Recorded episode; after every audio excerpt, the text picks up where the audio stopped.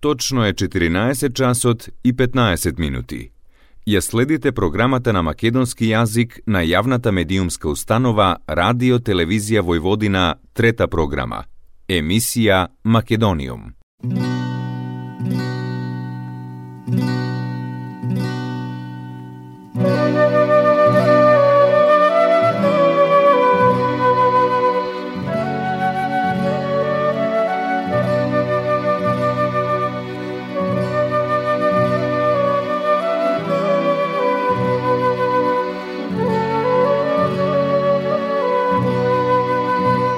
Македониум.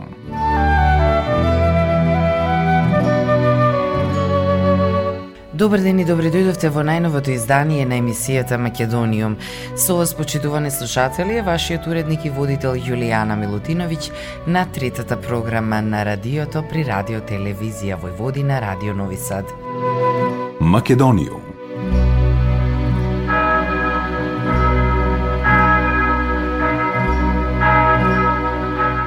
Од 14 до 20 март во Белград се одржа 20-тиот меѓународен надпревар Даворин Јенко. Надпреварувачите беа поделени во различни категории во зависност од нивната возраст и на овој надпревар во дисциплината клавир соло учество зедоа и ученици од Државното музичко училиште од Битола, кои одлично ги покажаа своите пианистички вештини. За успешноста на овој надпревар говори 20-тото издание на истиот што покажува дека се работи за надпревар со длабока музичка традиција, одлична организација, компетентна жири комисија и одлични организатори. Во изминатите години меѓународниот надпревар Давори Њанко го привлече вниманието на домашната и странска музичка јавност со својот професионален, но отворен и флексибилен однос кон музиката, обидувајќи се да ги усогласи конфликтите во традиционалниот и модерниот различниот пристап на конкуренцијата меѓу уметниците од сите возрасти, училишта и интереси. Во категоријата со голема конкуренција настапија учениците на Државното музичко училиште од Битола, Димитрий Стојчевски, ученик во втора година кој освои прва награда и Анастасија Петреска, ученичка во втора година која освои втора награда. Анастасија изведе дела од Јозеф Хајдан и Михаел Глинка, додека пак Димитар од Лудвиг ван Бетовен, Фредерик Шопен и Франц Лист. Двајцата се ученици кај професорката Татјана Божиновска, повеќе од 8500 надпреварувачи од Србија и странство, поточно од Словенија, Италија, Швајцарија, Македонија, Босна и Херцеговина, Хрватска, Австрија, Франција, Украина, Русија, Бугарија, Словачка, Унгарија, Црна Гора, кои во предходните години учествуваа на надпреварот, стручното жири составено од одлични педагози и изведувачи од земјата и странство. Гостопримството на домакинот и специфичниот начин на наградување зборуваат за корист на организацијата и содржината на овој надпревар. Идејата на организаторите од самиот почеток е надпреварот да стане незаборавно и значајно уметничко и обштествено искуство. Македониум Música Со седиште во УНЕСКО во Париз, вчера започна програмата за чествување на 100 годишнината од раѓањето на великанот на македонската лирика Ацо Шопов, што е дел од календарот за важни меѓународни јубилеи поддржани од УНЕСКО. По тој повод се обратија министерката за култура Бисера Костадиновска Стојчевска и председателот на Република Северна Македонија Стево Пендаровски. Во рамките на посетата беше предвидена средба со генералната директорка на УНЕСКО Одре Азуле. Славејќи го отворештво творството и поезијата на Ацо Шопов, на настанот се одржува и меѓународен симпозиум Поезија, творештво, препев и оптек на делата на јазиците од помалите говорни подрачја. Во рамките на програмата ќе се одржи и проекција на анимираниот филм Грозомор, работен според истоимената песна на Ацо Шопов, инспирирана од Скопскиот земјотрес во 1963 година, како и поетскиот перформанс Долго доаѓање на огнот, а ќе биде отворена и изложба посветена на творечкиот пат на Ацо Шопов, Патот покој Чекора. Во рамките на програмата со која се прославува и Светскиот ден на поезијата 21 март, беше соопштен лауреатот на Златниот венец на годинашното 62 издание на струшките вечери на поезијата. Тоа е ирскиот поет Гвен Бредли за неговата стихозбирка Страф од разделба, која добива наградата Мостови на струга, а Златниот венец оваа година му припаѓа на македонскиот автор Влада Урошевиќ. Мостови на струга се доделува во соработка со УНЕСКО. Настанот е дел од национал националната програма 2023 година во чест на Ацо Шопов, што се реализира под покровителство на председателот Стево Пендаровски. Македониум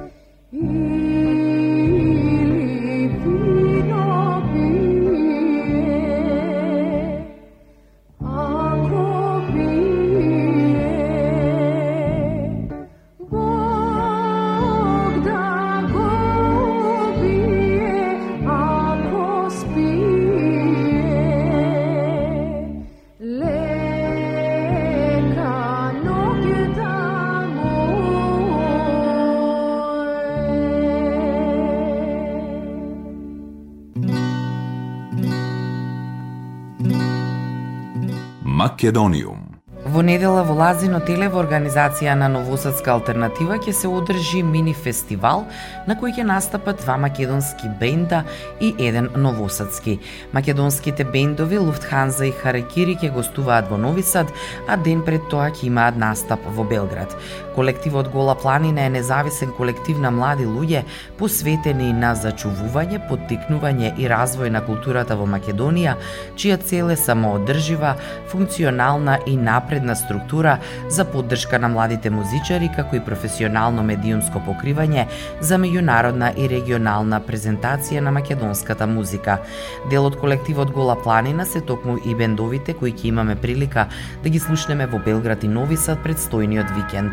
Луфтханза е млад македонски бенд со експериментален и агресивен дух, кој со комбинирање на гласен звук, гнев и љубов и агресивност се спротиставува на жанровските преференции на еднодимензионалната монотона музика која преовладува денес.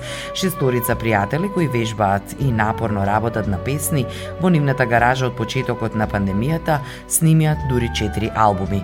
Зад себе имаат 17 концерти, меѓу кои концерт во Нови Сад, двочасовен концерт на PMG Festival 12, Live Europe, Pin Music Conference, Здраво млади, Дифест и многу други фестивали, каде што беа пречекани од бројна публика. Членови на бендот се Виктор Стојановски, Раде Биковски, Мартин Джорлев, Андре Димовски и Иво Николовски. Харакири пак е трио од Скопје, основано минатата 2022 година. Ова трио свири алтернативен рок, а членови се Андреј Димовски, Виктор Стојановски и Марко Печеновиќ. Македонијум.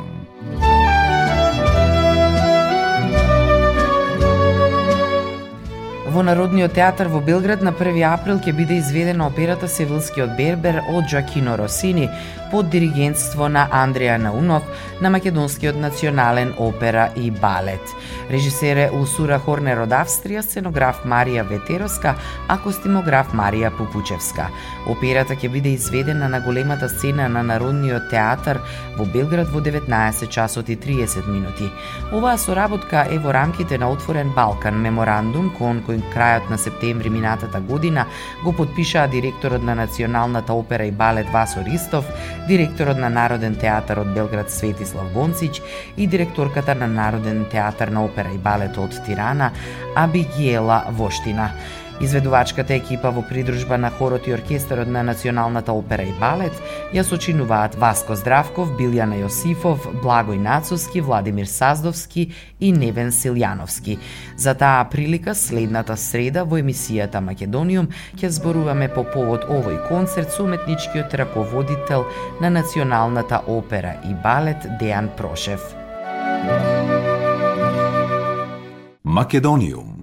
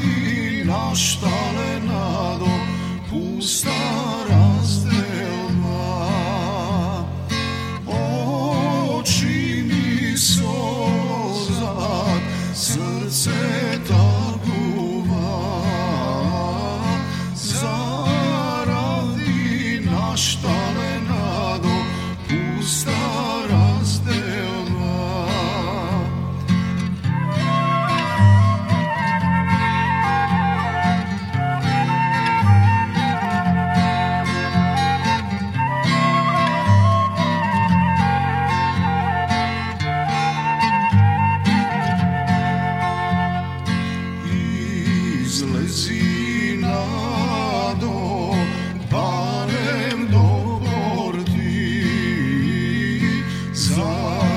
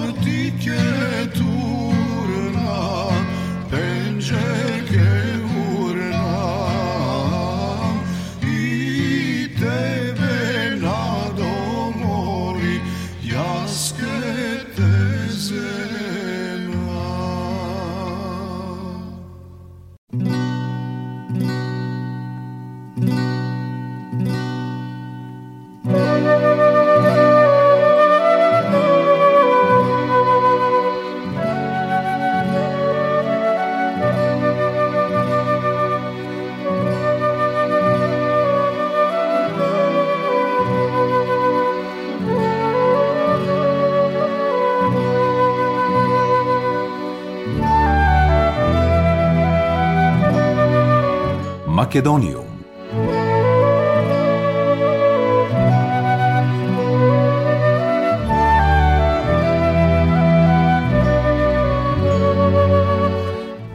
Советот на амбасадори кој најголемиот дел од својата програмска определба ја посветува на иницирањето идеи на добра волја за целосна стабилизација на регионот на Западен Балкан и негова побрза интеграција во евроатлантските простори, испраќа јасна порака како и речиси целата меѓународна заедница дека Охридската средба меѓу председателот на Србија Александар Вучиќ и председателот на владата на Косово Албин Курти за спроведување на анекс договорот на планот за Европската унија за нормализација нормализација на односите меѓу Косово и Србија е исклучително значаен влог во двете насоки – стабилност и соработка во соседството и регионот и забрзан прогрес на овие земји кон Европската Унија. Оценка на Советот е дека Охридскиот договор за надминување на конфликтните состојби меѓу Србија и Косово, кои ги подигаат тензиите и во целиот регион до ризично ниво, произведува и позитивен импакт врз политичките, па и развојните процеси за Македонија и за незините европски перспективи. Советот оценува дека улогата на респектиран домаќин на еден ваков значаен регионален настан под високо внимание и изразита поддршка на Европската Унија и Соединетите држави ја рангираше Северна Македонија меѓу малите земји кои добиваат се посилна меѓународна афирмација како респектибилни и сериозни партнери на клучните држави и политички субјекти на европски план.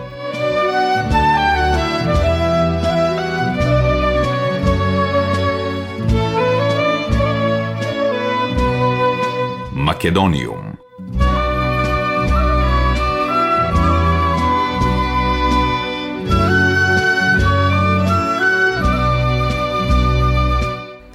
Граѓаните на Северна Македонија се најнесреќни во регионот, покажува најновиот светски извештај за среќа во 2023.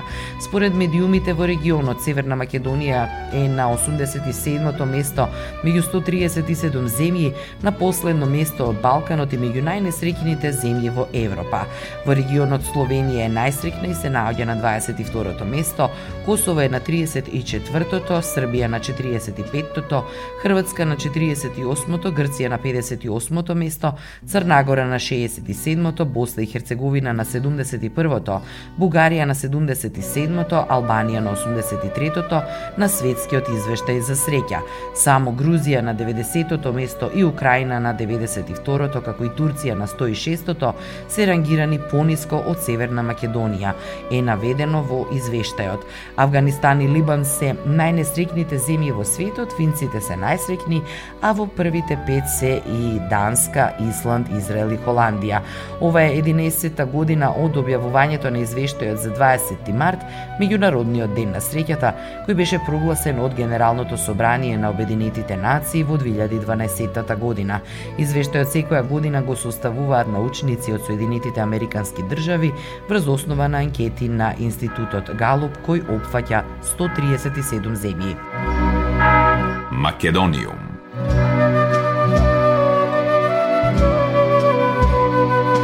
По долго боледување во неговиот дом во Лос Анджелес, Соединетите Американски држави, почина актерот Димче Мешковски. Доаенот на македонското глумиште Димче Мешковски беше вработен во Драмски театар Скопје од 1967 година до неговото пензионирање во 2002 Во творечката биографија на Мешковски се забележани над 100 одиграни улоги со над 6000 изведби. Широкиот диапазон и талент на Мешковски го позиционираше како актер што има дадено немерлив придонес играјќи повеќе театарски жанрови. Од драмскиот опус може да се издвојат ролите во представите Смртта на Дантон, Балконот, Вишновата градина, Јане Задрогас, Чернодрински се враќа дома, Зојкиниот стан, Калигула, Ревизор, Диво Месо.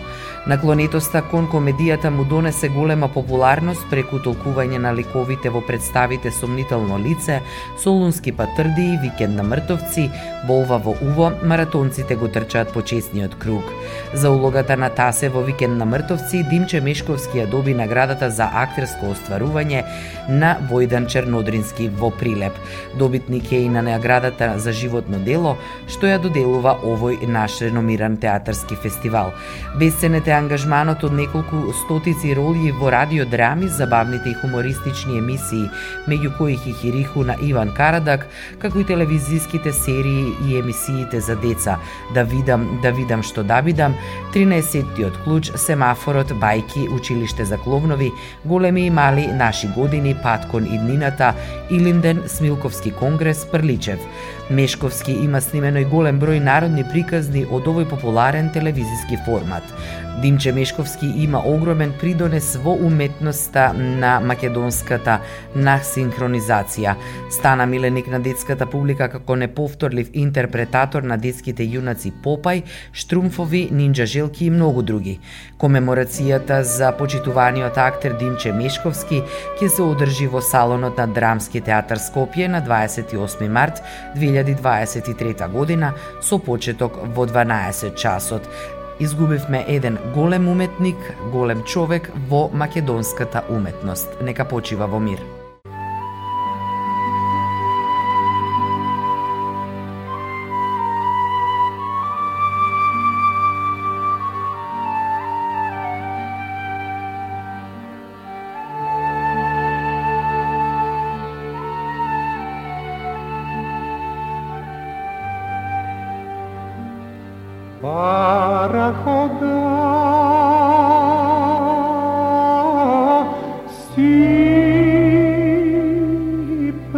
sigla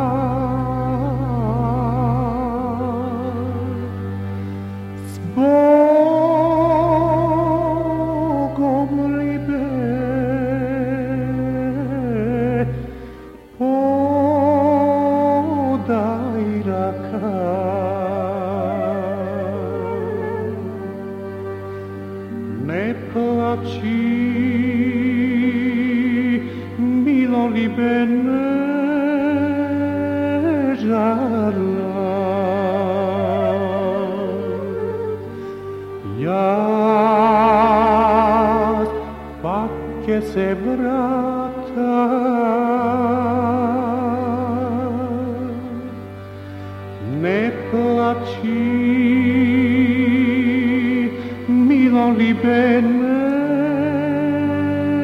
jarrà. Ias pace se.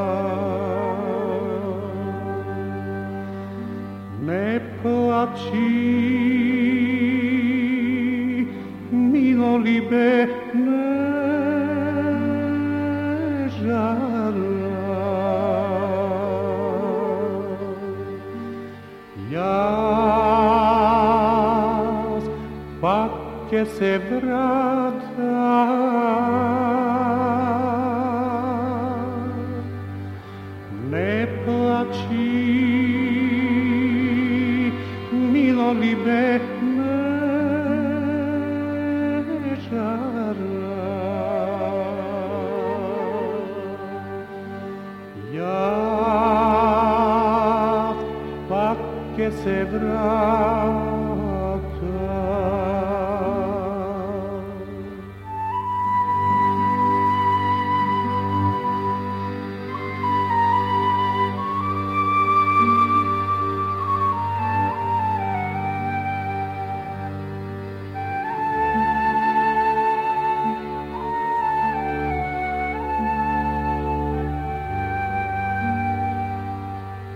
Yaz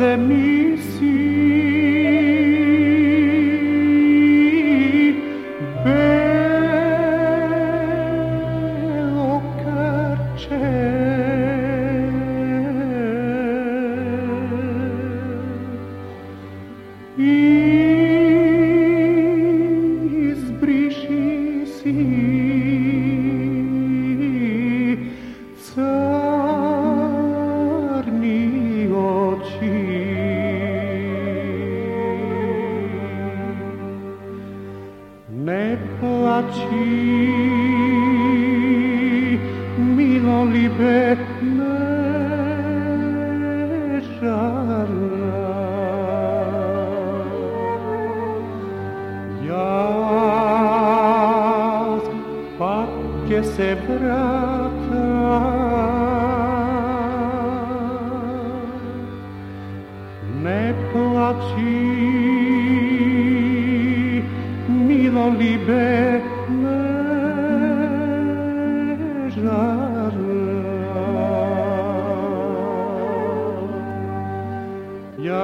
Jaz пак ќе се vratam.